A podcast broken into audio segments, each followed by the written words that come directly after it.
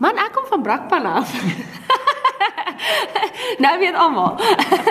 Goeie dinge kom van Brakpan af. ja, ek is ek is ek is daar gebore en ek het daar groot geword en toe ek universiteit toe kom te besluit ek kom Pretoria toe te beweeg. Ja. En dis waar ek toe begin het met my opera karier. So jy het opera geswat. Ek het opera geswat, ja. Ek het wel nie dit dit geweet ek het, ek het wel nie opera gedoen op skool nie. Ek het wel klassieke opleiding gehad, maar ek het nie so seer gedink ek sal ooit in opera ingaan nie. Maar um, toe ek op universiteit kom en ek begin daarmee toe toe sien ek 'n heeltemal 'n ander kant van musiek en en dit was vir my regtig baie lekker om dit te doen en dit is vir my op die oomblik um ek kan nie ek kan nie dink dat ek weer anders sal wil sing nie. so jy's nie noodwendig van kleins af blootgestel aan opera nie of is dit iets wat jy gelees het? Nie noodwendig opera nie, um maar ek is wel aan klassieke musiek voorgestel. So ek het al die Unisa eksamens gedoen en daai tipe goed. Maar hulle het my nooit regtig ek dink jy tot ons omdat daar nie veel kuns aan die gang is in die Oosrand dink ek so seer um opera gebaseer nie. Sal sal sal sal, sal jy nie regtig weet tensy jy um mense ken in die kringe en so nie. En dit was nou ongelukkig nie die familie situasie waarna ek was dat hulle nou bewus was van die hele um kinderkultuur situasie. Willem Vogel het gister vir my gesê jy is die norma van sy drome en jy doen goed met jou stem wat fenomenaal is.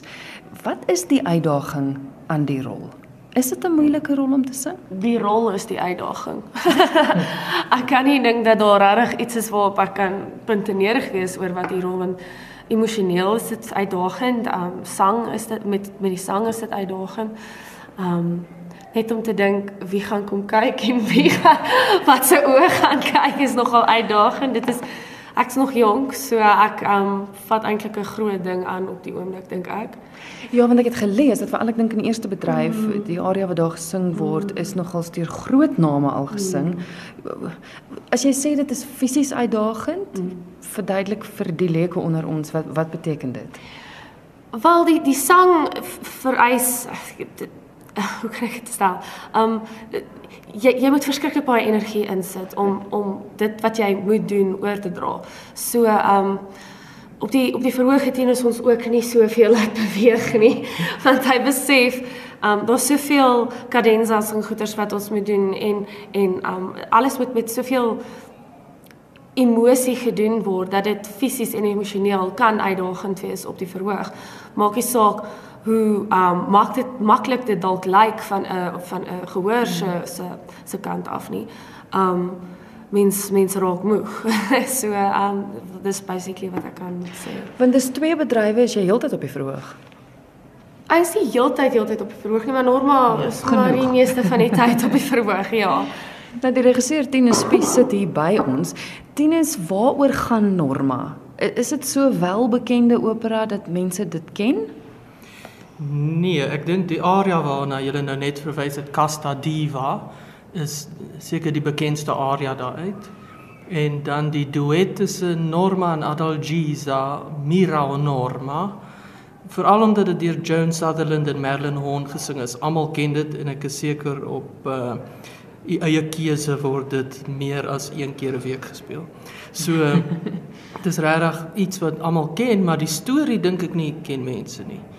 Uh dit is verskriklik dramaties in die sin van Norma uh moet kies tussen haar eie mense en haar geliefde Polleone wat 'n Romein is of haar twee kinders. So uh, op verskillende stadiums van die opera moet sy besluit wat sy wil opoffer. Partykeer kom sy tot die slotsom dat die enigste manier om haar kinders veilig te hou is dalk om hulle dood te maak.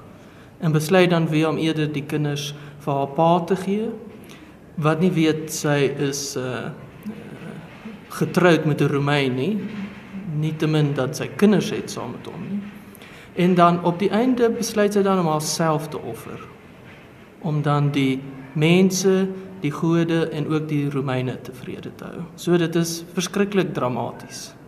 Jette, okay, ek verstaan nou waarom jy uitgeput is aan die einde daarvan. Ek het ook gelees dis 'n bel canto opera. Wat beteken dit? So as mense net bel canto vertaal, is dit uh, mooi sang. Want bel is mooi en canto is om te sing. Nou die idee daarvan is nie dat alles net 'n mooi manier is van sing nie, maar dit het ook te doen met die tegniek en ook dat die musiek in so 'n manier geskryf is om die stem van die sanger af te wys. Soos wat Ilse tereg gesê het, my bewegings op die verhoog is minimaal omdat dit regtig so veel eisend is uh, vir die sanger, maar ook dat die karakter eerder hulle emosionele kant wys as om onnodige bewegings op die verhoog te hê want jy's bang iemand staan vir 5 minute lank stil. So dit is eintlik maar wat bel canto is. So dis net voordat ons Verdi en Puccini kry wat meer verismo is wat uh, nog meer gevoel het. So dis nie jou barokopera wat net gaan oor tierlantentjies nie. Dit is die emosie plus dan nog so 'n bietjie tierlantentjies elke nou en dan as hulle al hulle lopies en hoë note afwys. Ja. Ons het nou gesê jy sing die titelrol. Wie saam met jou op die verhoog? Um Filippo Adami, hy um sing die rol van Polione, my my man. wat nie kan besluit tussen my en my vriendin Adalgiza nie. Um Adalgiza word gespeel deur Anay Pretorius en um sy is van die Kaap. En um ek ek deel die verhoog ook met Thomas Moglale, is dit jy dis hoe sê jy sê van uitspreek. Um en en um Deedre van Skalkwyk wat my Clotilde speel, my my dienskneg en ehm um, Sia Bong. Sia Bong. Daar's hy. Dit is soms wie ek op die verhoog en dan ook dan nou die die koorlede.